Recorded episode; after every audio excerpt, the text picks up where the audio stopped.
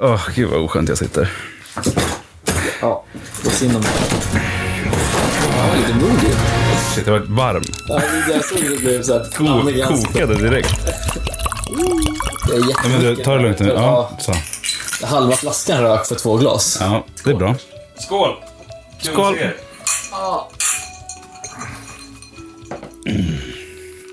Är det någonting vi vill säga innan vi börjar?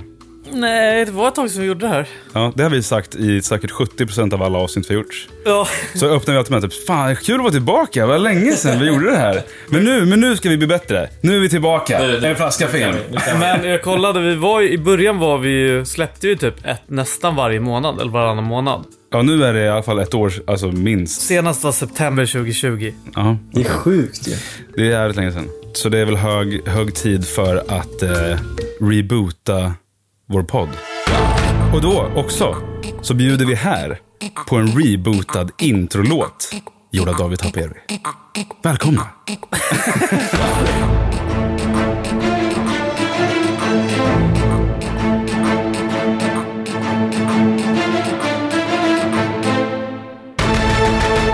Den senaste veckan Ja, har jag försökt kolla på Bilbo. ja, Med betoning försökt. ja. Alltså det är så jävla knepigt. Svårt att komma igenom den. Alltså det enda jag ligger och tänker på är jag borde sätta på Sagan om ringen istället. Det där är ett jättebra exempel på dagens tema, faktiskt. Filmer som går i samma linje som någonting som redan har kommit. En franchise eller en reboot. Där man hela tiden blir påmind om det som har kommit förut. Det är väldigt svårt att tvätta bort den stämpeln av att man tänker på hur det tidigare verket var. Första upplevelsen är alltid det starkaste. Och sen försöker ju folk koppla på det. That's how you make money. That's how you make money. Men här är vi. Så vad ska vi prata om idag då? Eh, först så säger jag, jag ska- prova den här sägningen. Jag har ett manus här också. Som jag, vi har försökt säga i varenda avsnitt och nu tänker jag försöka det en gång för alla. Att säga vad vår podcast är för någonting. Bara för att. Bara för att. Vi, vi, har- vi, har aldrig, så vi har försökt några gånger spontant att definiera det. Så nu ska jag försöka kolla ifall jag kommer ihåg det här. Har du lyckats med det? Jag tycker att jag, att i en mening här, som jag tror jag kan ta utan manus, så kan jag säga vad vår podcast är för någonting. Ja, perfekt. Är ni redo? Ni är delaktiga i det här så ni får vara med när det är er tur. Okej? Hej och välkomna till En flaska film. Filmpodden. Nej, inte. Ett ett till försök. Ett till försök. Hej och välkomna till En flaska film. Podden där vi analyserar och diskuterar film över en flaska sprit. Jag heter Simon. Vad heter du? Säg jag heter Alexander. Jag heter Alexander. Jag heter Axel. Och så... Nej, fan! Jag... Ah, vet du vad? Jag... Låt mig... Det här. Nu kör vi radioprat. Ja. Fan, man blir ju nervig. Det är så konstigt det här. Kan man få radiorösten också? Ja. På finlandssvenska? Välkomna tillbaka till En flaska film. En filmpodd där vi diskuterar, analyserar och försöker komma överens om film över en flaska sprit. Jag heter Simon. Jag heter Alex. Jag heter Axel. Och i vanliga fall betygsätter vi filmer vi sett baserat på intressevärdet med hjälp av innehållet i flaskan. Är det en tråkig film att prata om är det mycket kvar i flaskan. Är det en kul film att prata om så är det lite kvar i flaskan. Men idag, eh, eh, ja, ja. Det, det där är typ introt. Det är ganska bra, eller? Ja. Men, men alla avsnitt någonsin har det varit lika mycket kvar i flaskan. Spoiler. ja, hur mycket är det kvar då? då? Det är en tredjedel kvar. Alltid. Just Du det. liksom pallar inte mer. Nej. I den här ra- radiointrot så vill man lägga till att det är ett felande koncept, men det är så det är. Säg det då. Det är ett felande koncept, men det är så det är. idag är det lite annorlunda, för att idag så pratar vi om eh, reboots. För att vi rebootar vår podd och eh, det var, det var länge sedan vi spelade in. Och sen har vi också då sett tre stycken, man skulle kunna kalla det för reboots. Dune, som kom för ett tag sedan nu. Och sen så har vi sett The Matrix och Batman. Eh, The Matrix är väl kanske inte en reboot per se, det är en uppföljare. Men det funkar ju som en reboot för man skulle kunna hoppa in i den här och inte behöva se... Ja, Det en- Temat i filmen är ju att det är en reboot på Matrix. Exakt. Det är en, det är en soft reboot. Jag ska Ja. inte gå in i genreträsket av reboots, soft Nej. reboots, hard reboots och remakes. Det känns som att vi kan hamna där ganska snabbt ändå. Är det redan där?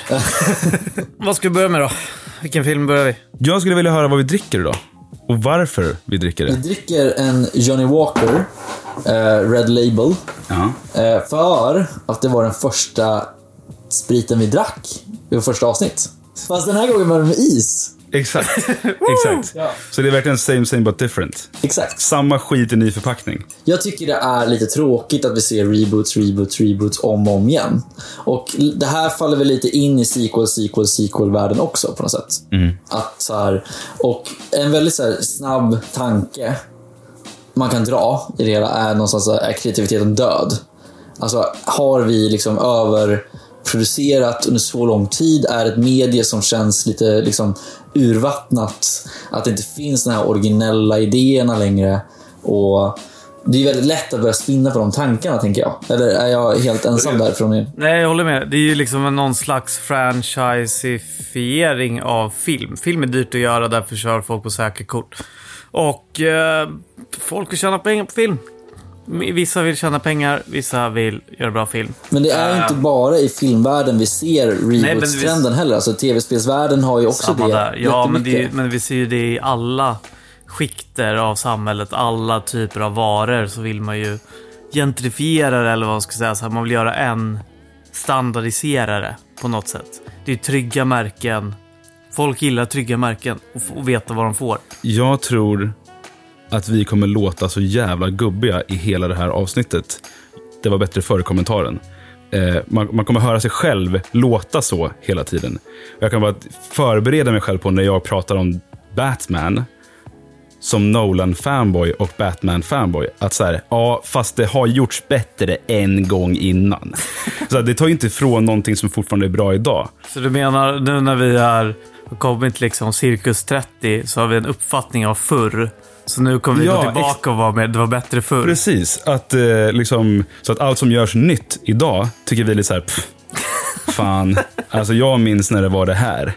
Men där, där var det liksom så här, jag, det här är verkligen inte alls min tanke, utan det här är snarare en tanke jag har liksom, jag tror jag läst mig till den eller någonting sånt, men det var väldigt mycket på temat reboot och varför vi i vår generation nu upplever den så jävla starkt. Amerikansk publik liksom började verkligen, de, in, de, de insåg i värdet av film och spelfilm att det kunde vara en blockbuster-idé. Liksom, att de kunde fånga, liksom, många människor gick och kollade på en och samma film. Och det var liksom väldigt mycket marknadsföringsidén kring det hela. Ja. Eh, och sen så liksom har världen växt. Idén kring film var att så här, ja, men det, vi skulle göra amerikanare nöjda kring film. Det var Hollywoods tanke. Idag är inte det tanken längre. Så idag är det mer att man ska prisa världen. Så att amerikanska bio, biobesökarna är så få i förhållande till hur många det är i hela världen. Och att hela reboot-idén är att det finns ett sånt kulturarv kring Batman. Det finns ett stort kulturarv till Scream. Liksom. Men den första vändan av det nådde bara den amerikanska publiken. Så man gör det en gång till. Så nu gör man det en gång till, men då gör man det för att en alltså, asiat ska uppskatta det lika mycket som en europé. Eller en sydamerikan. Vilket gör att det blir lite så här tillplattat. Det blir inte den här interna humorn eller språket, utan det blir snarare, eller berättelsen, utan det blir liksom oftast en lite större berättelse som ska fungera typ lite, lite mer över hela världen. Please the masses. Typ så.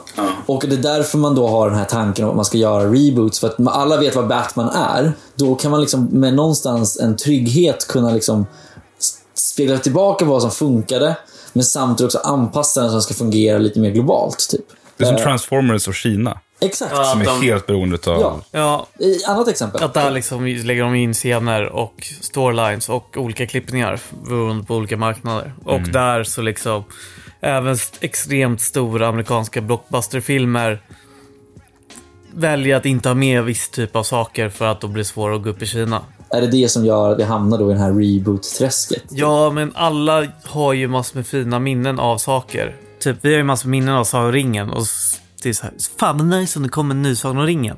Det är alla vill ju ha det för att särskilt när det inte kommer på länge. Då är det lätt att sälja skiten. Sen kommer ingen vilja ha det som de Oftast. får. Ja, exakt. Eh, Nej, sen så gör ju Disney också, tar sina klassiker som alla, de vet är älskade av alla. Eh, är Lejon, Lejonkungen, Pinocchio eller Lilla Sjöjungfrun och gör den i live action. och uppdatera fast det är ett sämre medium än vad det redan gjort. Bara Precis. för att kränga skiten igen. Ja, det är så, det är Typ så, som Djungelboken. Djungelboken är ju rimlig tecknad. Men ändå så väljer de att göra om skiten CG. Det är samma film, det är nästan samma musik. Någon har uppdaterat det lite. Men de bygger på samma melodier.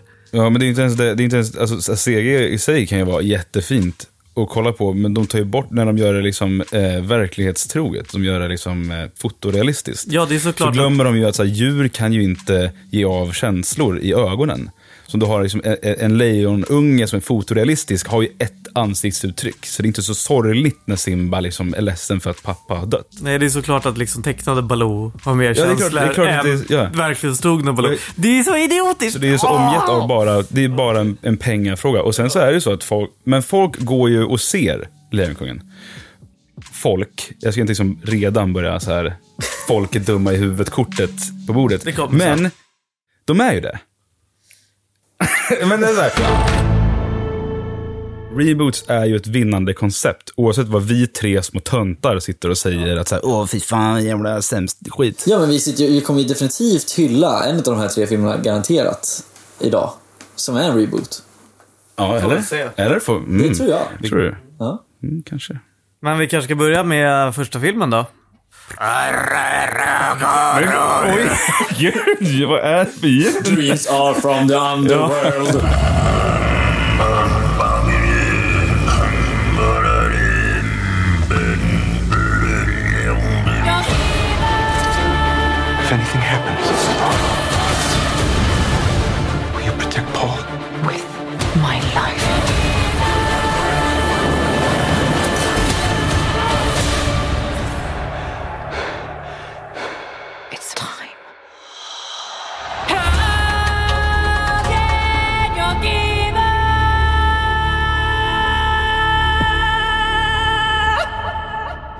I vanliga fall så brukar ju du, Axel, läsa baksidan av VHS-kassetten för att sammanfatta handlingen av filmen vi kommer att prata om. Eh, Man går in i VHS-butiken och ska hyra film och så står man och läser baksidan för att välja vilken film man ska se eller inte. Nu, nu pratar vi ju inte i podden. Du behöver inte prata som du pratar i podden. För att vi pratar, det kommer inte vara med i podden. Varför är det inte här med på den? För att vi diskuterar liksom tekniska saker. Ja, men det, det, det är väl jättebra att introducera... Det, Okej, det är det jag misstolkar. Sorry. Ja, det, det står, jag tror att det står på regelboken här så står det avbryt inte. Men vi går vidare. Ska vi köra en, en, en variant av VHS-kassetten som sammanfattar alla filmer och att han måste typ pitcha in reboot till, till mig som är då producent. Du är mediamogul Absolut, jag kan göra det. och tycker att så här. Du, Okej, sä- du tänker tema. Nej, ja, men- det blir svårare. Ja, men jag, jag kan du, ska, nog sä- du ska sälja till mig varför jag ska göra reboots som producent i Hollywood. Ja. ja, jag kan göra allt samtidigt i typ en mening. Och gör Kör! I'm waiting. Dune, Matrix, The Batman. You know what it is. Fuck you, pay me. Very good! Very good. Skitbra. Äh, djupt imponerad faktiskt. Vi, vi, kör, vi kör en klassiker för, för att det är kul också, va? Eller? Jag tycker det. Man öppnar dörren till macken, Clear, clear. man glider in. Vänta, vänta, vänta. Gick du till en bensinmack? Ja, jag, Jag, hade, jag jag, en med. mack Jag gick också till bensinmack. Är det sant? Ja, ehm, jag hyrde Seven, tror jag. Eller någonting. Eh, och kom hem och ehm, DVD-skivan var inte i fodralet. Så jag var jätteirriterad och ringde upp dem, lite så här lillvuxen. Och bara, ja, det är ett misstag här för att nu har jag hyrt en film och filmen inte är i fodralet här. Eh, så vad som hänt? Ah, förlåt, eh, vi kollar upp det på en gång. Och så har man några knappar. Så bara, ja, senaste var ju du Simon som hade hyrt den här filmen. Jaha. Okej, eh, jag börjar leta direkt. och sen så kollar jag in i min säng och där ligger Seven. så så bra liksom, var det på marken. Fan, jag tror jag aldrig hyrt en DVD i hela mitt liv. What? Nej, jag tror jag bara hyrde VHS. Men då kan du leva in det när, när Axel gör det här framför våra ögon. Så går han in i butiken och går förbi godishörnan, går rakt fram till DVD-hyllan och tar fram Dune. Och på baksidan står det Välkommen till Dune. Världen där kryddan styr allt. På planeten Arachnis. typ. Typ Arachnis. På Arachnis eh, drivs... mm, hittas den. Ja, Men det är så jävla jobbig handling. Alltså, den Ja, är, men- så här, det är, det är det svårt är det att summera den. Alien är ju lättare. Det är, så här, det är ett rymdskepp. Alla ska dö av Men vad händer sen då efter de minar Spice? Paul ska med sin familj till planeten Arachnis och mina Spice. Det finns någon legend om att saker ska hända. Häng med, det blir kul, det är rymden. Bra, Snyggt. Den tar vi.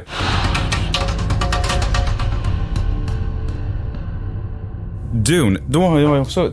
Återigen, nu provar vi det här radiopratet. Det är bara ge det en chans. Antingen har jag med det eller så har jag inte med det.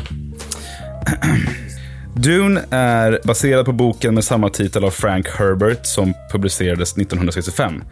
Eh, Den inspirerade flertal science fiction-filmer som bland annat eh, George Lucas med Star Wars. Och Det var en film som ansågs ofilmbar.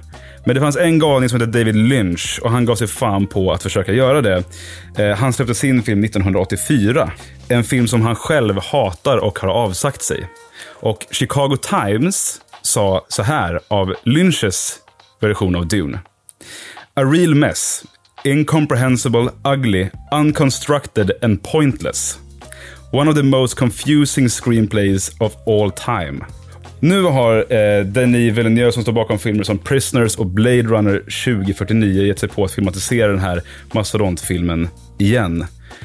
Alexander, tycker du att Denis Villeneuve har lyckats med att göra en film som inte är incomprehensible eller pointless? Vad tycker du om Dune? Uh, ja, jag ska vara helt ärlig och säga att jag fucking älskar skiten.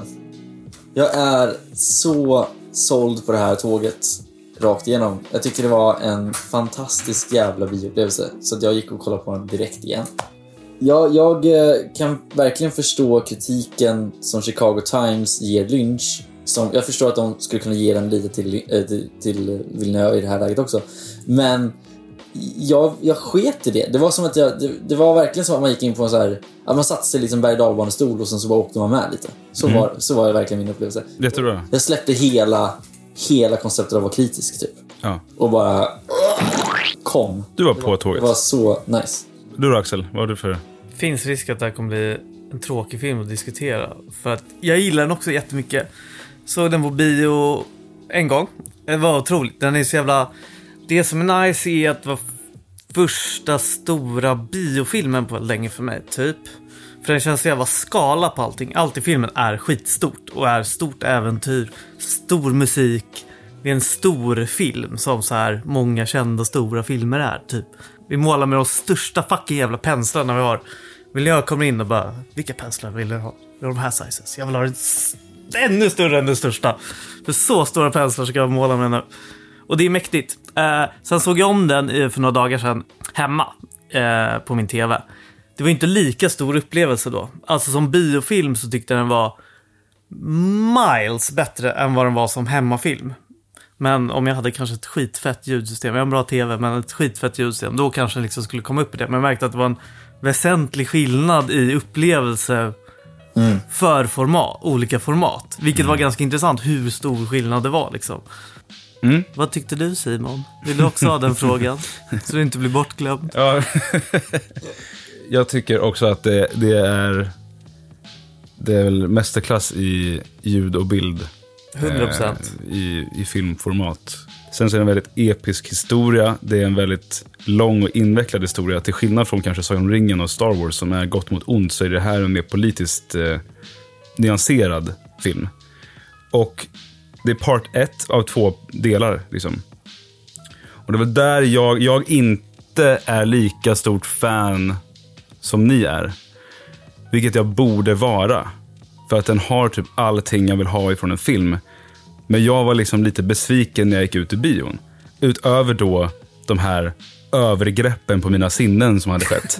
så fick jag inte liksom pli på att jag inte brydde mig så mycket om historien. Nej, men du hade ju skitsvårt för eh, Paul. Alltså, Ja, du, du, det här det är- vi, du pratade om det, att du så här, fan, I don't fucking care. Han bara går runt och... Jag har ju svårt för eh, alltså, Timothy Chamalas eh, monotoma skådespeleri. Ja. Och sen så har jag väldigt svårt för The One. Alltså hans karaktärsskildring i det här. Ja, konceptet The One. Och det här är så lustigt för att just på temat reboot. Dune är ju en av de första böckerna i science fiction-världen på det här viset. Som som sagt inspirerade så många andra verk efter sig. Men Dune har inte varit en del av mitt liv, vad jag har sett. Så jag har sett då Matrix först och Harry Potter först och alla de här jävla The One-historierna som börjar liksom trampa vatten och bli jävligt eh, tråkiga. Och sen nu när Dune kommer, som egentligen borde få credden för att vara originalet, är inte längre originalet.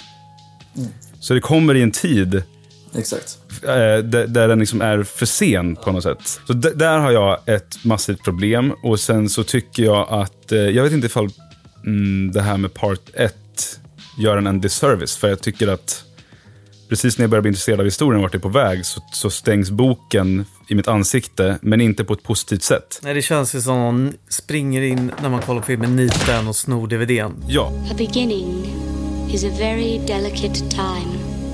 Know then that it is the year 10,191. In this time, the most precious substance in the universe is the spice melange. The spice extends life. The spice exists on only one planet in the entire universe. The planet is Arrakis, also known as Dune. Men hur känner du kring storyn av filmen då? Alltså kring eh, handlingen och karaktärerna och temat. Eh, är du lika liksom, övertygad där? Eller är det främst det här... Jag säger inte att... Jag, le- jag letar ju nitpicking för att filmen är fantastisk, så att så här, det blir svårt. Ja. Men eh, är du glamo- glamorifierad av allting som sker på ytan? Nej, alltså jag tycker, jag tycker att det är... Alltså jag tycker ju verkligen att karaktären är skittråkig att följa. Jag är där för världen också. Man är ju där för allt. That's my point, lite tror jag. Ja, men du har en Att- jättebra poäng i det. det är därför alltså. jag känner att den, att den är nästan alltså 10 av 10. Alltså världen man kommer in i är ju en värld jag inte sett förut. Allt är så jävla stort, det är stor skala, det är, vilket gör att det fångas så otroligt fint genom fantastiskt foto. Jag vet inte riktigt hur de får till det. Eh, men när de ska visa någonting som ser stort ut, där tycker jag många andra filmer typ misslyckas med att så här etablera att något, hur stort och mäktigt någonting är. Jag tror jag vet var, jag- jag har en gissning på varför det Please tell är me. så. Jag tror det är för att det oftast, det här är killgissning Mm. som fan. Jag tror att det oftast finns någonting i frame när man ser något stort som inte får plats i frame. Alltså, sant. Så att när, när, du ser stora, när du ser stora skeppen, Mm. oftast så är det kanske flera. Och det som är närmast kameran får inte plats i frame. Ja, men det, det, När masken åker upp i marken och ställer sig Mm. framför Paul Atreides så är den ur frame. Du ser bara väggen som reser Mm. sig upp framför honom. Det är väldigt läckert gjort. Och han gjorde det med Arrival. Mm. Där det känns enormt, det man ser framför sig. Så även de här widescope-grejerna måste liksom alltid panna och tilta. För att du kan inte få med dig i en frame. Jag, tror det, jag, tycker inte, jag tycker det var typ världens bästa killgissning. Ja, Tack ja, kompis, men- tack. Men du kom ju, du kom ju med lite Back in erfarenhet. business. Put your right hand in the box. Your mother bade you obey me. I hold at your neck the Gom Jabba. A poisoned needle. Instant death. The test is simple. Remove your hand from the box, and you die. What's in the box? Pain. Det, det är så jävla läckert hur de etablerar väldigt tidigt i filmen, när, när Paul sitter med sin mamma Rebecca Ferguson, som jag inte heller kom på karaktärsnamn på, när de etablerade voice-funktionen. Alltså hur den fungerar. Och vi får se den typ faila, är ju det som händer. Men när man möter den här kvinnan då, där man får se hela det scenariot repetera. Paul ser sig själv komma in genom rummet och så om man då ska bli väldigt teknisk så ser man direkt hur han ser sig själv gå fram. Come forward, typ, säger hon i någon röst. Come here. Kneel. Och så ser man hur han bara nilar framför henne. Och man direkt som så här, som åskådare, man är helt med exakt på vad som har hänt. Och jag tycker det är väldigt, Det är väldigt sant. intressant berättat att så här, egentligen ganska avancerad regel, Ja. men du- den är så jävla enkel förklarad typ. Har du sett David Lynches Jag har inte gjort det. Det måste du nästan göra. Det är troligt. För just den här scenen, du pratade om ett bra exempel på vad som funkar och vad man inte ska göra. Om det jämför senare med varandra. Där Denis Villeneuve utforskar rädslan för det okända. I att du har en låda och så säger en person till dig, om du stoppar in handen i den här lådan så kommer du känna den alltså, värsta smärtan du kan någonsin föreställa dig. Typ. Och det gör han och, och upplever det här. Och då, det ser vi bara i form av spel. I Lynches version så har han handen i en låda och sen så får vi se han börjar skrika. Och sen så klipper de till lådan och man ser en sån X-ray vision på hur typ handen börjar fräta och brinna och typ olika saker händer mot handen. Så att vi visuellt ska se vilken typ av smärta han känner. Men en mycket värre smärta är det vi inte kan se eller förstå. Nu, nu tror jag du har lite fel, för man klipper ju till en klippbild i den här sekvensen när handen är förkolnad mot sand. Och det börjar komma in eldflammor mellan klippbilderna. Gör det? Ja, mellan klippbilderna, mellan eldbilder, klipper de till hans hand som är helt förkolnad mot, mot sand. Och sen klipper de tillbaka till honom när han ligger och smärtar. Så de, har egentligen gjort exakt samma sak. Men det är ju, det är, det är ju, min version är bättre. Må Det, vara, må det, vara. det jag analyserade och tyckte var liksom ett, Du ett så blinkade. genidrag. Du Eh, blinkade när förkolande handen kom. Ja, för jag minns, när du säger det så minns jag, jag minns tydligen jättefel. Du minns jättefel. Jag, jag tror att jag hoppar förbi den här Ja. scenen. Fail. Fan vad synd. Men ja, Ja, det var en av de scener jag tyckte om just för anledningen jag sa som inte längre finns. Men bilden när de kommer, systrarna, Gene Yes. Bassett går ut ur skeppet, 100 procent. är otrolig. Spela, Alltså- vi spelar sound sample nu.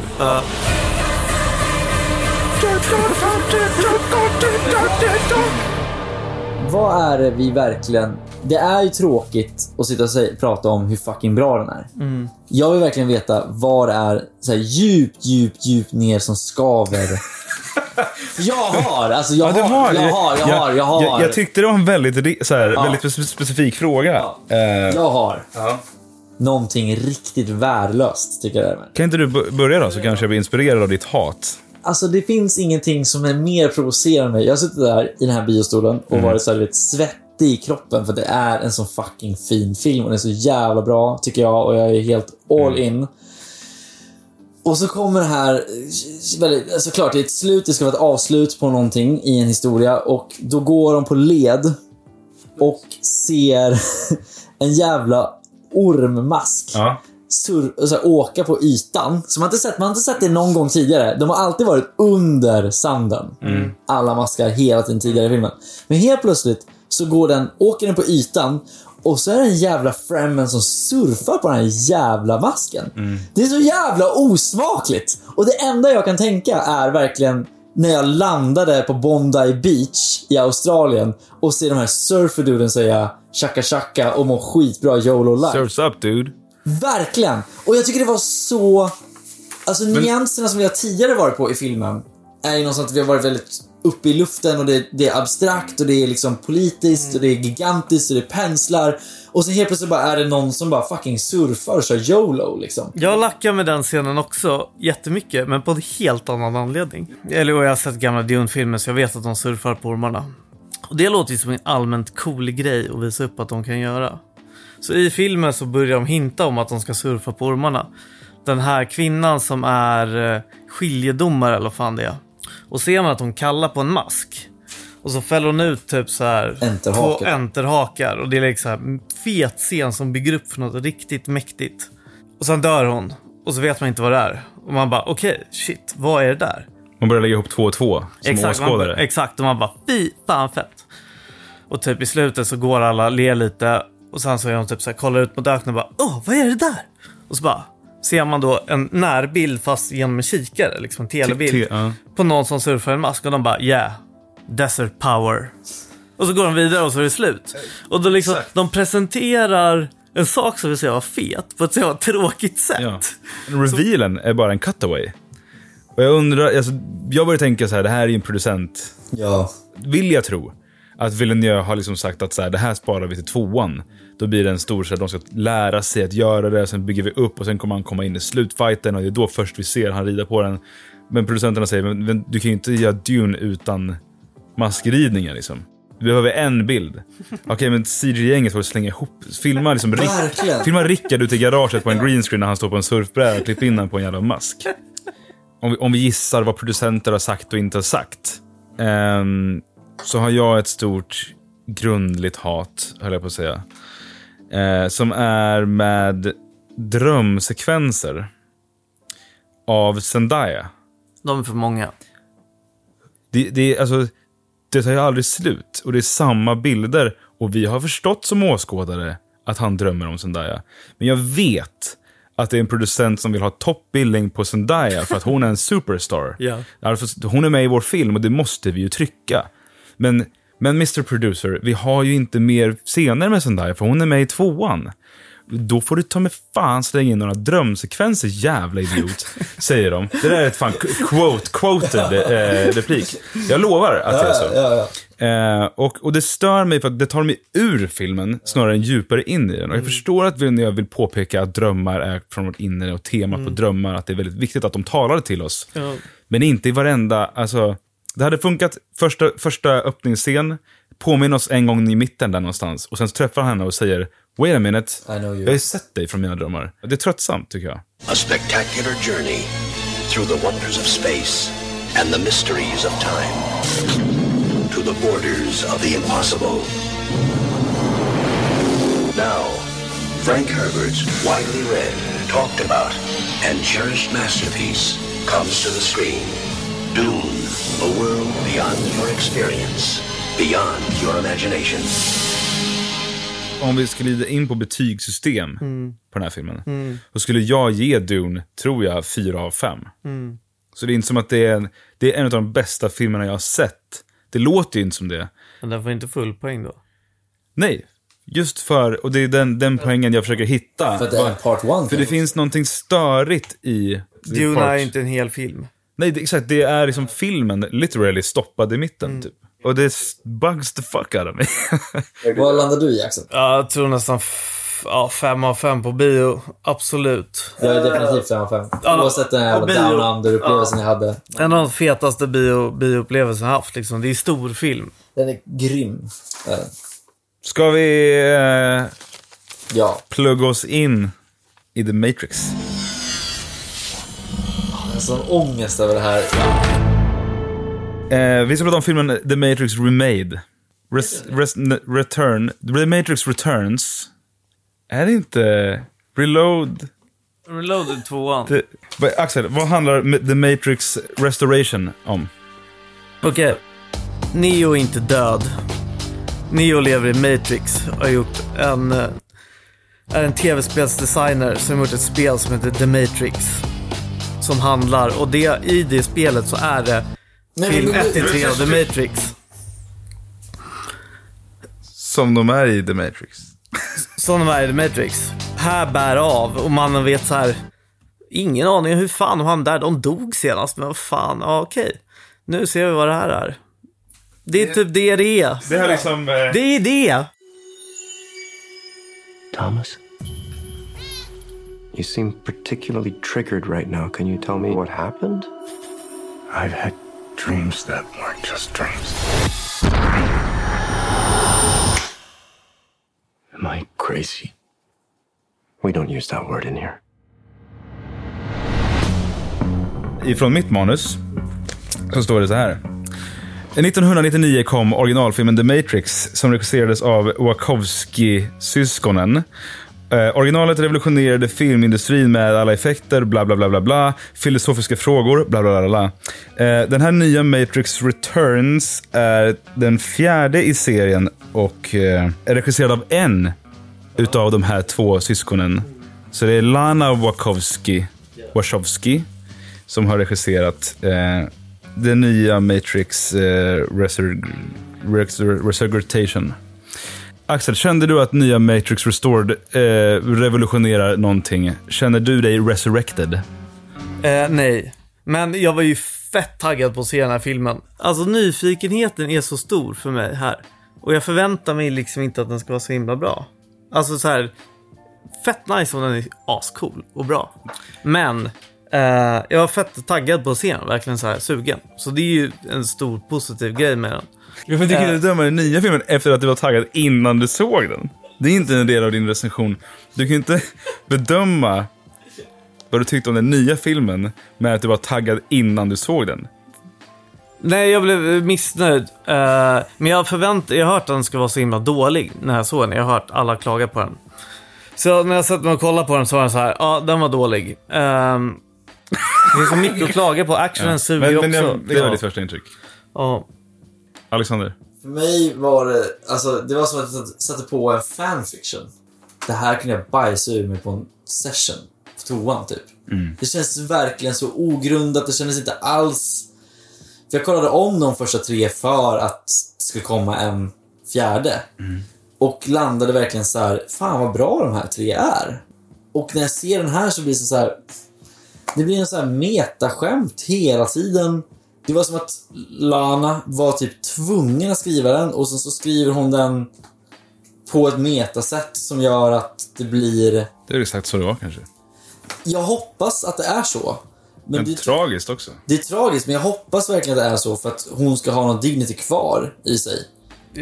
Det- är så jag var trött på metafilmer.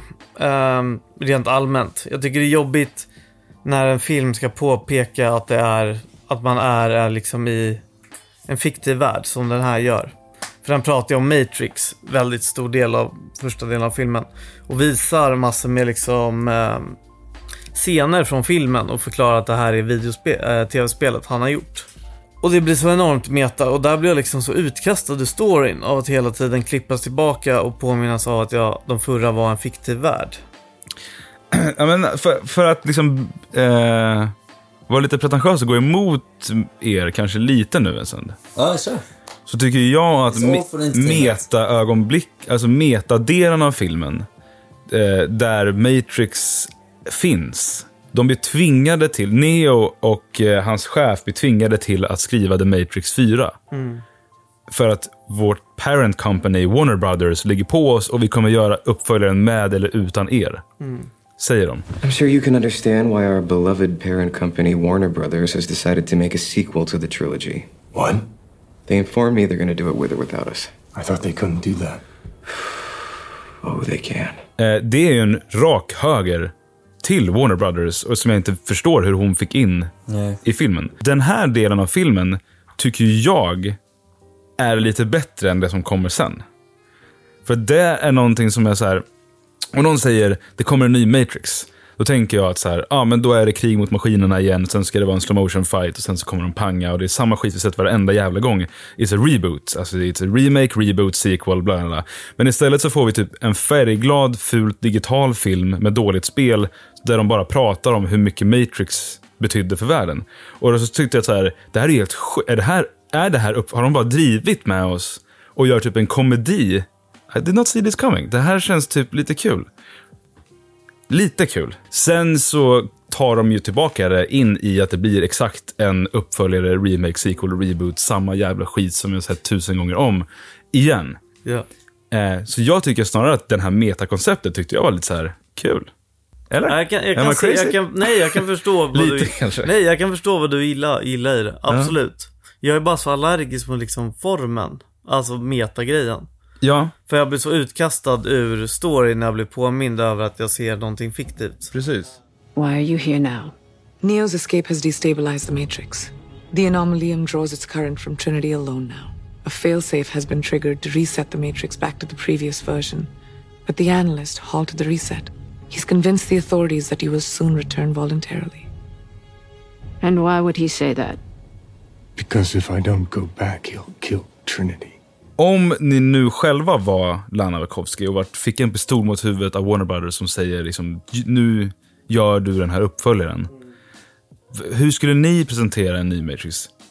För i mitt huvud så går det inte riktigt. Men har ni någon liksom... Vart, vart tar man världen härnäst efter ett kapitel har stängts och avslutats? Eller finns det någonting ni vill utforska i Matrix-världen?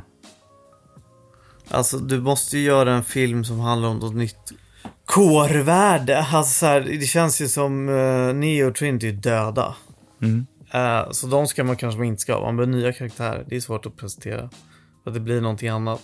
Eh, första filmen handlar om tro på dig själv. Då får man hitta något nytt och grundligt budskap. Ja, de, kanske skulle, de kanske skulle utforska då Dune-varianten av att det är farligt att tro ibland. Eller att så här, eh, Neo Trinity som är Messias. Jag tänkte bara, alltså så här, hur, för att i mitt tycke så går, som ni märker, alltså så här, jag kan inte komma på ett enda koncept jag skulle velat se i The Matrix 4. För den borde inte ens få finnas. Så att det är ett dött lopp från början. Jag tycker synd om filmskaparna bakom det här. För att det, du kan inte berätta en till historia. Nej men grejen är så här, de, de kan berätta den historien de berättar egentligen, tror jag. Vad berättar de då? Men alltså så här, vänta. Jag tror att de kan berätta det på samma sätt att så här, ja, men, sätt, sätt, sätt, att vi sätter premissen likadan. Att det är ett tv-spel, att det är en reboot någonstans i det hela. Att själva Matrix, vad man kallar robotarna, har rebootat systemet för att göra det på något sätt. I don't know. Som de gör. Men jag tycker hantverket är så kast. Ja. Så jag tror ju inte ens på att någon har trott på den här idén från början. Nej. Och det är det som jag tror är liksom så här, när, jag, när jag ser på den så känner jag ju så här att inte ens skaparna av det här tror på det de gör. Nej. Den borde heta, om jag ska vara helt ärlig, Matrix Rebooted. Hur kan de missa den titeln? har ju att, haft ja, men, ja, men The Matrix är ju reboot, literally rebooted och det är en rebooted franchise. Men där, liksom så här, om vi går tillbaka till min metaspår. Eh, det är att de dricker juice, åker skateboard och kastar pappers, kor, pappers, papper i en liksom baskethoop och gör ett så här narr av typ Silicon Valley-grejen. Men det finns ingen värde i att jag kollar på det. Nej. Men det finns, det hade varit asnice om det var så här, eh, liksom 58 fucking hackers som satt och fan köttade sönder för att få ihop det här spelet. Typ som Free Guy-grejen. Fast nu, nu vill inte jag använda Free Guy som ett bra exempel. Men, men, ändå- typ någonstans hur de geeksen sitter och kämpar för någonting. Och, och har liksom en, bo, en bot som bara ri- springer amok i det här spelet. Och de bara så här, fan nu får vi till det här. Och jag, jag fattar inte, vad är poängen med att nå det här liksom sitcom-humorn? Det är väl ett försök till att göra en karikatyr på nutid lika mycket som 90-talet blev en karikatyr i original Matrix. På hur alla var fast i cubicle-kontor. Vi var ju så, vi säger då för jag var bara ett barn. Men så Fan, det här inte ens tänkt. Mänskligheten var ju rädd för att fastna i ett kontor och sitta och jobba dag in dag ut, ta på sig kostymen och bli en av eh, mängden och roboten som går i rulltrappan. Och, liksom. Och idag har vi en helt annan bild, hur vi återupprepar samma sak varenda gång. The Matrix pratar ju om exakt det vi pratade om i början utav det här avsnittet, hur allting är remixkultur. Och hur liksom, vi har redan gjort det här, hur ska vi göra det en gång till? Hur är det fresh? Det, det, det. Men det är väldigt tidsenlig, lika mycket som 90-talsvarianten var det. Fast det är, jag, tycker inte, jag, jag identifierar mig inte någonstans med det jag ser. Men det är typ för att det inte görs smart. Nej, men det är det jag menar. Alltså, det finns ingen fingertoppskänsla i... De har inte brytt sig. Om man ska ta ett annat modernt exempel, så tänker jag på typ eh, Get Out. Hur då? Varför tänker du på Get Out? Jag tänker på Get Out, för Get Out är en, den är liksom byggd på, här är min metafor. Det här vill jag prata om, i dag, vad som sker i dagens tid med rasism och liksom cultural appro- appro- appropriation. Och det tar, jag ett steg, det tar jag ett steg för långt genom att låta vita människor operera in sig i svarta kroppar för att de tycker att de är så coola. Det är min handling. Eh, Men, det, men sen så vävs det in då en story, karaktärerna och det, som det byggs fram till det här budskapet. Det här skriker till mitt ansikte vad det är för någonting. Den säger, jag är meta, eh, jag är modern och kolla på hur vår tid ser ut nu och titta på hur vi skiljer oss åt från den andra Matrix. Stop trying to hit me and hit me. Sluta säg, sluta säg vad du är för film och visa det för mig. Ja, exakt. Jag håller verkligen med dig nu. Bra. Aldrig varit så överens med dig nu som jag är nu. Come on, stop trying to hit me and hit me.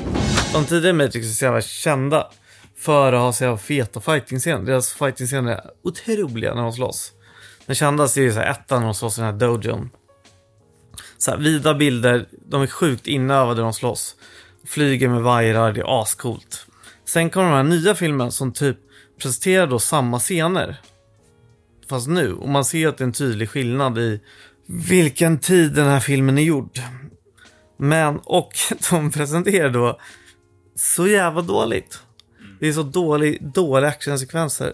Exakt. Och det ser astråkigt ut. Varför är det tråkigt då? För att det är för, man hänger inte med vad som händer. Eh, för det är för när, alltså det är filmat för dåligt. Mm. Bara massor med närbilder. Så det känns inte lika stort. Och de klipper hela tiden istället för de här långa inövningarna. Fighting-sekvenserna. Man hänger med vad som händer liksom. Det är som att de har varit mer inspirerade av Jason Bourne än sig själva. Det är det jag börjar typ tänka, är, finns det någon liksom...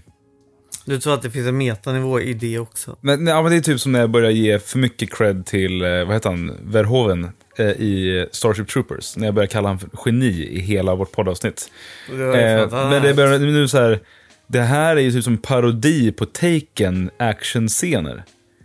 Alltså den moderna, vi, vi, vi castar en, en avdankad actionskådis och sen klipper vi runt det.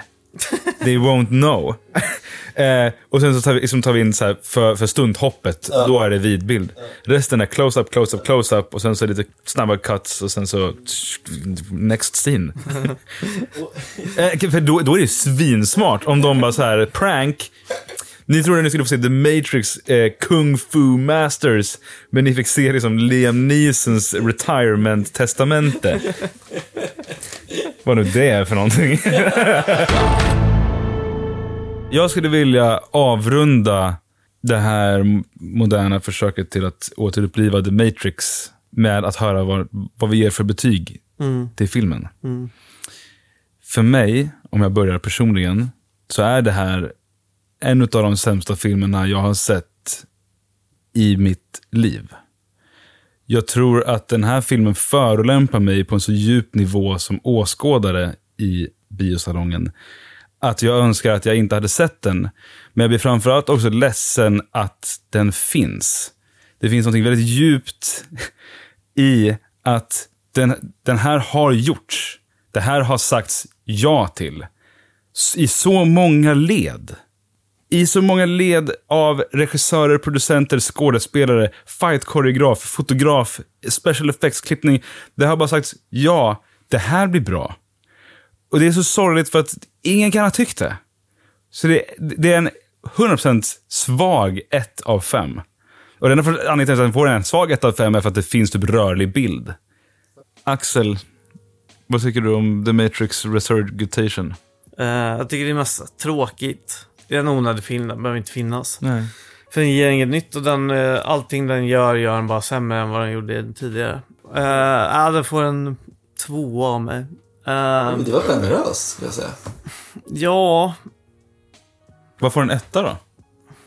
I jämförelse. Vad, har- vad har en etta? Om vi ska bara sätta ditt bottenmärke tidigare. För att, Har du sett någon etta någon gång?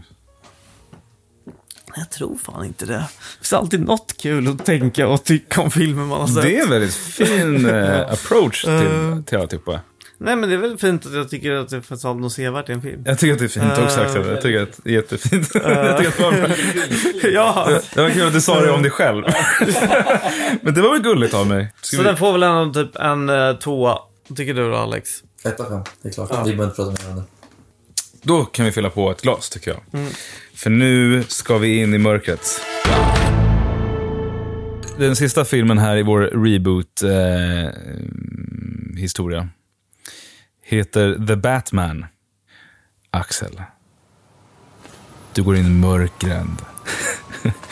eh, bland soporna och råttorna ligger en DVD. Du tar upp den lite heroinpåverkad. Du kliver över Martha och eh, pappa, Ca- pappa Wayne för att hitta DVD-spelaren. Fan, skivan. Det är inte VHS-kassett egentligen. Fan, skitsamma. Säg vad det står på baksidan. Varsågod. Välkommen till Gotham City. Goth de har precis fått en ny beskyddare. Batman. Batman stryker omkring i mörkret och skyddar mot brottsligheten som precis uppstått. Ja, precis, bra. alltid funnits. Fortsätt, fortsätt. Eh, Som precis uppstått.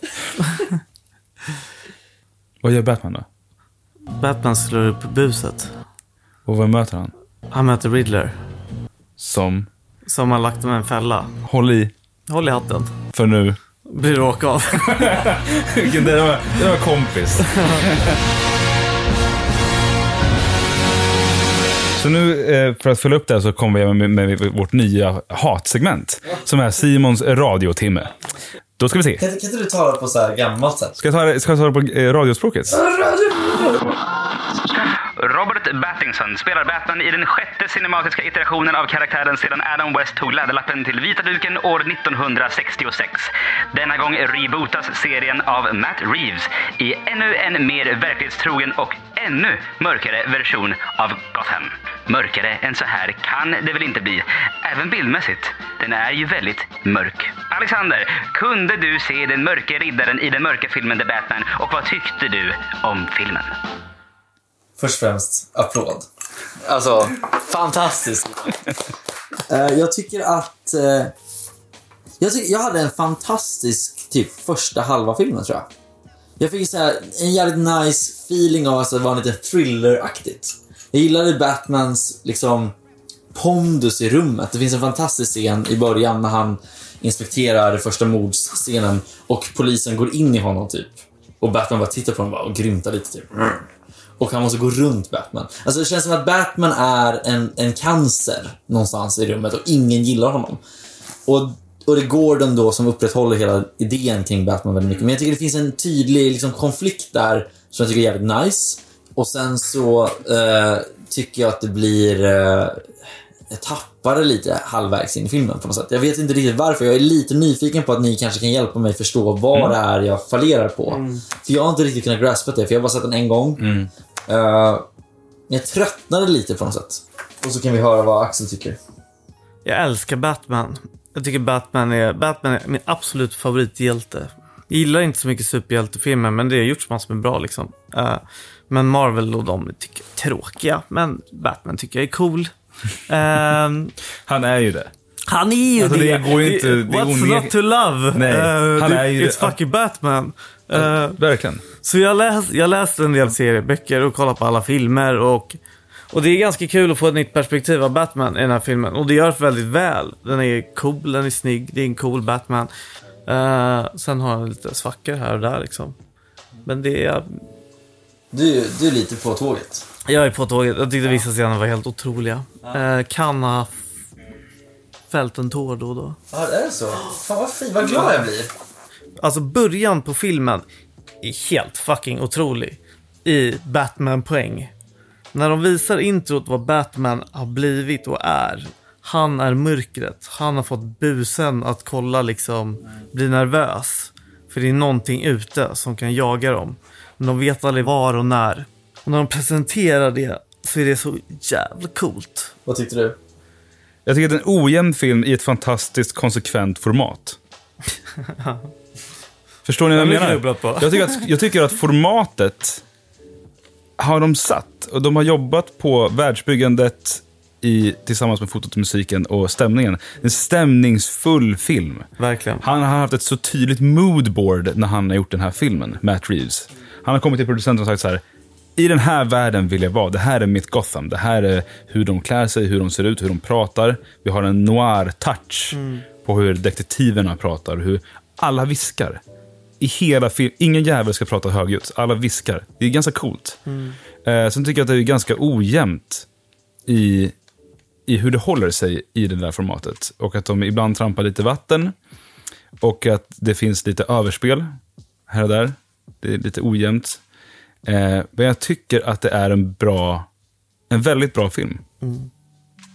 Men lite som Dune, så är det synd när filmer nästan är bra. ja, men förstår ni? Alltså, det är lite samma, att så här, Almost got there. Tror du den kan komma dit genom tid? Kan tänka att så här, om två, tre år kommer du känna att den är så bra, den filmen. Jag tror att den här filmen påminner väldigt mycket om Joker. I formen av att ingen har Joker som sin favoritfilm. Men när alla såg Joker så pratade alla om den. Alla tyckte att Joker var så fantastisk och så bra och det är oh, Oscar-worthy performance, vilket det var. Det var jättebra. Men det är bara Taxi Driver i nytolkning i DC-förpackning.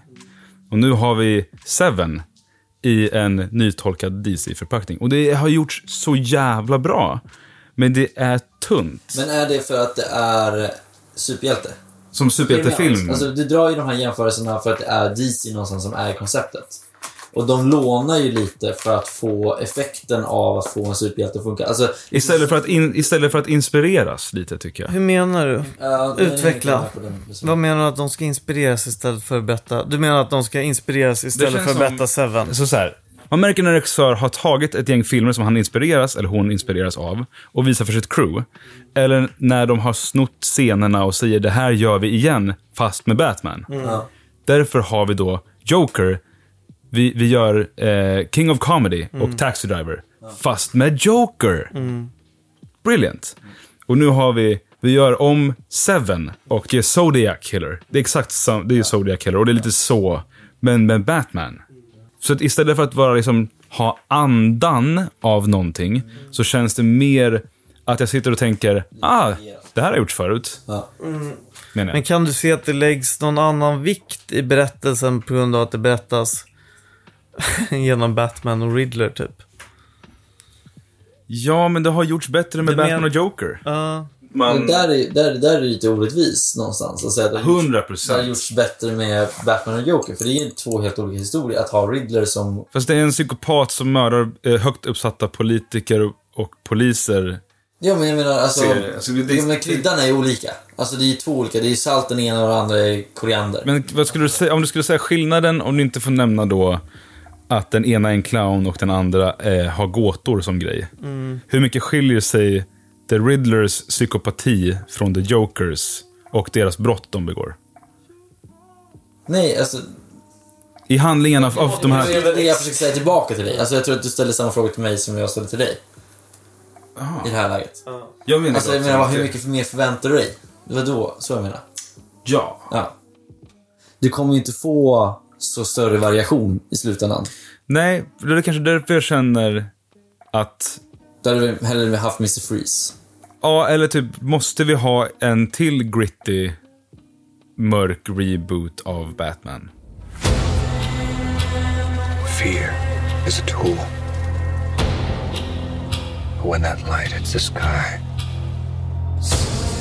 it's not just a call. It's a warning. Vi måste ju prata om att det här är definitionen av en mörk reboot. Kommer du ihåg när man började prata om reboot som var allt så här, ja ah, nu kommer reboot så efter eh, Dark Knight så vill man göra dem lite mer grounded och Ja. mörkare. Ja, och nu drar de det ännu. Och är det här den längst dragna strået? För... De kan ju inte dra det mörkare. Nej. Då är det svart. Nej, då är det svart. Bokstavligt talat. Ja, att det är en exakt. väldigt det är så film. himla mörk film. Ja. Batman spelas av Robert Pattinson. Mm. Jag tycker ni om hans porträtterande av, av den här rollen som har porträtterats, ja, som jag sa tidigare, sex gånger på storbildsduken. Mm, men det är ju så en ung emo-Batman man presenterar som är ung och en loner. Eh, så Batman byggs upp som en skurk. Alltså jag tycker så här resan de presenterar i Batman är ganska nice också i typ så här genom hur han måste omvandla sitt varumärke från hat till inspiration. Och resan han går Ja. igenom för att komma dit. Fint. Och hur, Som tycker du, hur tycker du han står då jämförelsevis mot eh, Christian Bale. till exempel? Eh, men det är olika Batman. Alltså den här gör ju inte... Danny Nolan som presenteras är mycket mer underhållande. Eh, Bruce Wayne. Och den nya är han bara ung och emo och skittråkig. Det låter, det låter ju skitdåligt. Eh, Inga interaktioner med någon som är någorlunda intressanta. Men när han är Batman är han kick fuck ass. Och då blir jag underhållen. Och varför är han kick-ass då? För att jag gillar Batman. Nej, men Eh, varför är han kick-ass som Batman? För att Batman är en cool karaktär och Nej, men, en cool värld. ja, men du, Ja. du, nu, förstår du skillnaden på Ja, jag förstår. att inte varför du gillar karaktären Batman, för det, det kommer du in med i salongen.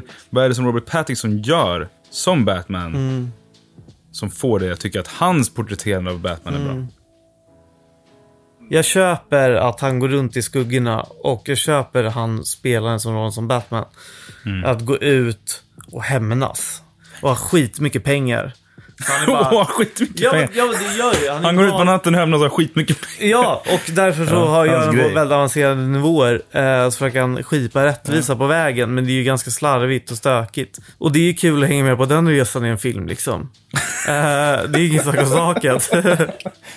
Eh, Men Alex, hur skulle du säga då att eh, varför just han... Nej, hans- men jag, jag vill faktiskt så här, för jag tycker du missförstår lite frågan som Simon ställer Axel. Ja, jag vet vad, vad som gör han... Alltså, jag tycker Nej, får, inte jag, det... får jag bara nu äga den här frågan istället för att du fortsätter? Säg vad du Ja, tycker. Jag, jag tycker det är... Jag, jag vill ändå ge lite cred till Pattinson i det hela. Det är det min poäng landar i. Så här, för att vi, du, du pratade om, Axel, det är väldigt mycket så här, karaktären som är uppbyggd av miljoner människor långt innan Pattinson är involverad i det hela. Mm. Sen kom Pattinson in som skådespelare. Hur hanterar den här liksom, processen som skådespelare? Vad är det jag väljer att trycka på i mitt konstnärskap? Mm. Och det jag tycker Pattinson gör fantastiskt fint är att äga utrymmet. Alltså, han ser en pojke vara ledsen. Och jag, genom den här dräkten, genom den här masken, så ser jag att Batman bryr sig om den här lilla pojken på ett väldigt, väldigt snabbt, effektivt sätt. Utan replik, utan någonting, utan det är bara en blick. Som jag bara så här, fan han fattar. Och jag fattar vad han fattar, typ. Jag tycker det finns någonting i den här tystnaden som Pattinson har adder- adderat in i den här karaktären som är jävligt bra. Det är sådana scener jag kan få gåshud av. Mm. Som inte är någonting. Och det är Pattinson. Men ja, det är där jag vill landa i, för att jag tror att det är han. Och han spelar då med ögon bara. Och det är ganska mäktigt att se en så ung skådespelare ta det till bord, för då är han så bra castad som Batman, för att det Batman ska göra är spela med ögonen. Han går långsamt. Eh, han för sig långsamt och är liksom smygig på något weird sätt. Och poliserna märker av det här. Det är, det är skumt att vi har en snubbe iklädd liksom, fladdermuskostym som går runt på vår brottsscen. Och nu kanske jag blir jävligt anal här. Ja. Men de frågar typ så här. Eh, behöver du ett kopia? Eller han bara så här, eh, Batman kommenterar typ så här, nej men jag behöver inte se någonting mer av det här. Och jag känner så här, hur fan ska han komma ihåg alla detaljer typ? Mm. Och sen lite senare så har han en sjukt magisk lins Ja. som rekordar allting. Och han sitter och går igenom allting. Sitter rest, resten av Och morgonen då, och, tycker kollar jag, på... och då blir jag så här, jag får, nu är jag anal, Mm. men jag får gåshud av hur genomtänkt det här är. För det påverkar hela hans agerande i rummet. Han är inte stressad över att behöva titta en extra gång på någonting. För han Nej. vet om att han kan kolla på det i efterhand. Bra. Och jag gillar det. Jag går igång på det så jävla mycket och det är så jävla... Riddler's latest. It's all about the Waynes. If we don't stand up, no one will. You got a lot of cats. I have a thing about strays. The bat and the cat. It's got a nice ring. A new friend of yours? I'm not so sure. Jag tycker Catwomans historia mm. blir för knepig. Ja. Alltså, Ja, den den, liksom, den rör till det lite för mycket och tar lite för mycket fokus. Så att jag tappar The Riddler lite och, ta, och så blir det liksom lite Falcone-grejen. och Nej, men jag, har, jag, jag, håller, jag, jag ställer mig bakom det och jag har en fråga Ja. angående Catwoman. Det, för jag hör hur dum frågan låter när man säger den högt. Behövs Catwoman i den här filmen? Alltså så här, ska hon ens vara med i den här filmen? Behövs hon utöver IP Catwoman? För att det säljer att ha Catwoman i sin titel. Och vi måste tilltala massan. Mm. Men istället för att då... Jag tyckte inte att hon kändes fleshed out. Jag tyckte hon kändes rörig i Ja. vem hon ska vara i filmen. Hon var inte den här... Hon var inte 100% femme fatale, som man märker att de vill ha ibland.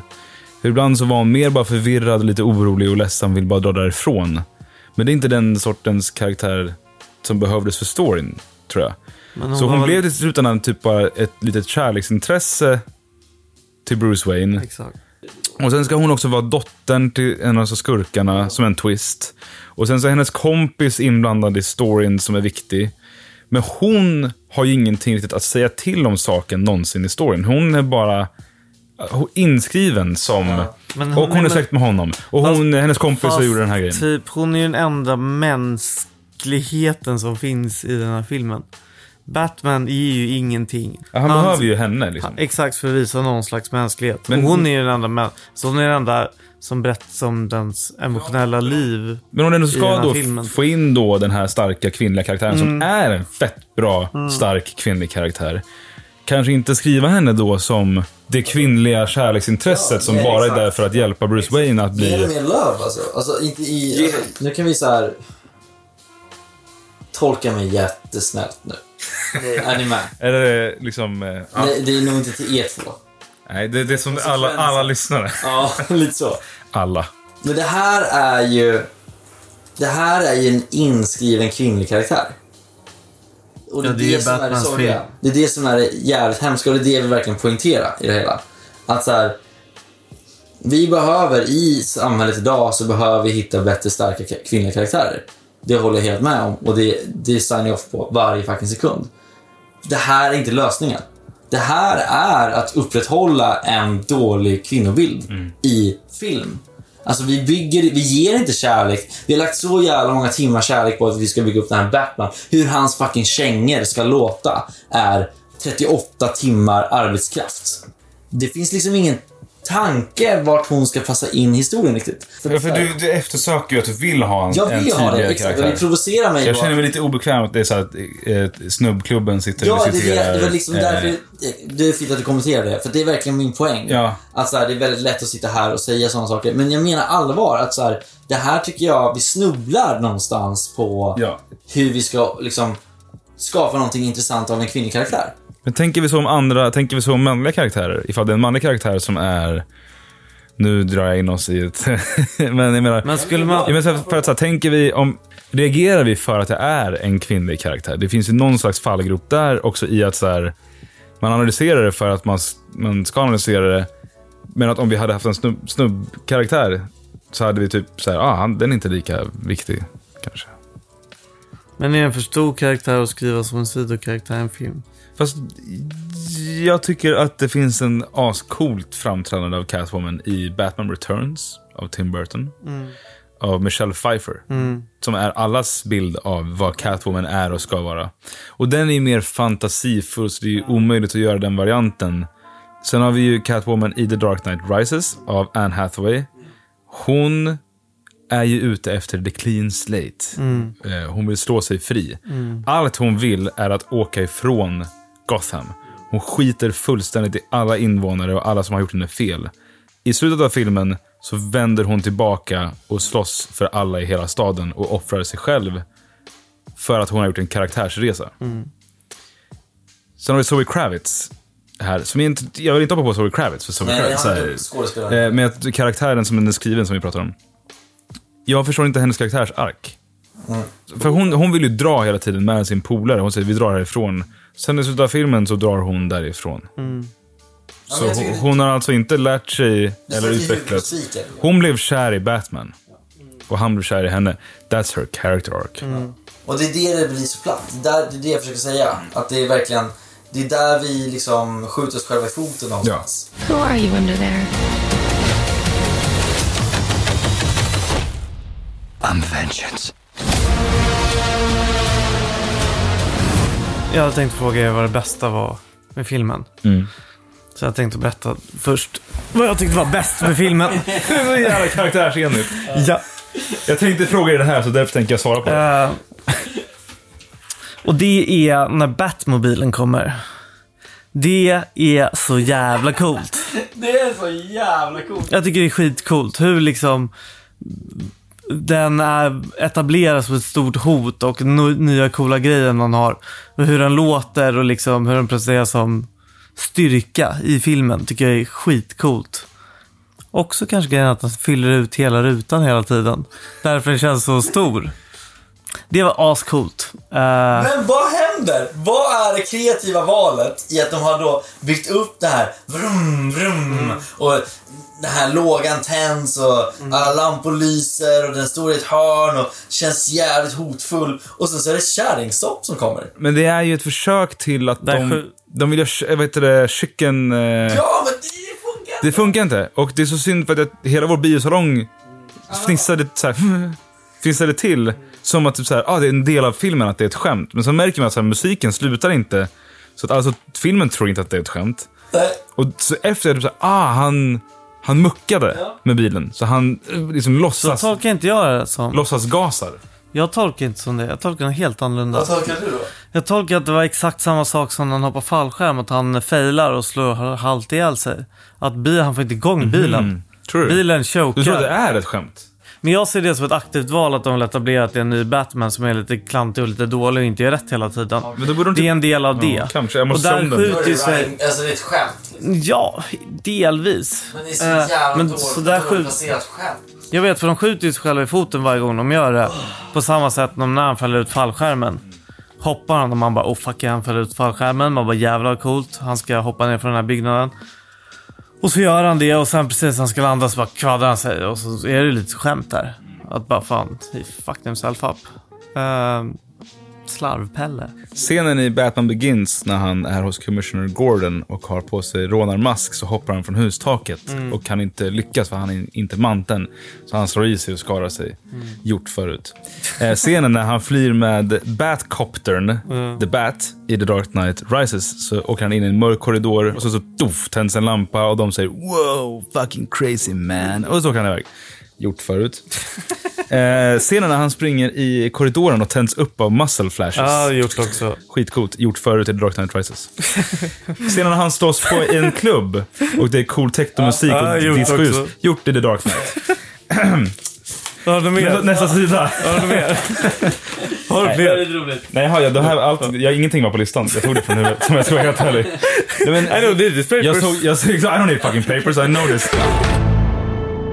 Ehm, vi måste betygsätta Batman. Vad tycker du om Batman, Alex? Jag tycker Batman på en femgradig skala har Yes. typ tre. Ja, bra. Axel? En fyra. Oh. Bra bio. Den var lätt bra. Var Vad har du Dark Knight? Ja, den är en femma. Good. Eh, Tre av fem för mig också. Eh, jag har sagt hela tiden, saker som har gjorts förut eller gjorts bättre förut, tycker jag sammanfattar reboots väldigt mycket. Att man, det är onekligen att man jämför med originalen. Mm. Jag får en film som The Batman som är jättebra gjord. Men jag kan inte uppskatta den till sitt fullo för att jag har redan sett det här. Så man får samma sak i ny förpackning hela tiden. Och ett väldigt bra exempel som jag tänkte på är Spider-Man från 2002 som rebootas som The Amazing Spider-Man 2014, säger vi. Nej, är det så sent? I don't care. Det är Tobey Maguire och det är Andrew Garfield Spider-Man. Eh, I filmen Spider-Man så säger Uncle Ben till Peter Parker With great power comes great responsibility. Och sen så har vi då gänget i The Amazing Spider-Man som känner att nu ska vi, vi vill berätta samma sak, men vi kan ju inte säga samma sak för att då, vi, då ser ju alla att vi gör samma sak som redan har gjorts och då förstår vi ju alla att vi inte behövs. Så alltså har jag skrivit ner här vad de säger istället. Och repliken är Your dad believed that if you could do good things for other people you had a moral obligation to do those things. That's what's at stake here, not choice, responsibility. Så repliken With great power comes great responsibility blev det där, som jag läste. slagkraftigare första gången. För att det var bra då. Måste du göra det en gång till och sen göra det lite sämre för att du vill göra lite annorlunda? ja men fuck it. Vad, hur betygsätter vi... Men hur betygsätter vi temat reboot? Det, det, vi kan inte recensera ett tema. Vi kanske, nu när vi har sett tre ganska olika filmer, som vi tycker lite olika om i alla fall, så kanske vi ska se, ge dem betyg för vilken film som var, fick bäst reboot-betyg.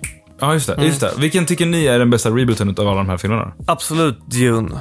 Mest nytt och mest kul att se. Batman har vi sett tidigare, jag tyckte Batman var bra. Matrix skulle, behövdes inte göras. Ehm, så absolut Dune. Jag tror vi är eniga. Ja, vi är Ja. Men jag tycker att du, jag tycker att du sammanfattar det. Mm. Jag håller med. Mm. Eh, flaskbetyg? Nej, är det en tredjedel? Nej, det är inte tydligt. Jag tror fan det är mindre. Men jag är ju jättefull. Jag med. Vi blir äldre. Eh, Förtjänar vi en reboot? Ja, det tycker jag. Jag tyckte ju rosetten på hela... Ja, det tycker jag. Men vi kommer ju att göra gammal... vi kommer att göra exakt samma sak som vi har gjort förut. Så förhoppningsvis då så kanske vi gör ett eh, till avsnitt 2023. Oppenheimer. Christopher Nolan. Avatar? Avatar kommer ta tillbaka oss i studion. Vart vi än är i världen då så kommer Eller, eller bara Top Gun 2 kommer till slut. som jag väntat på så länge.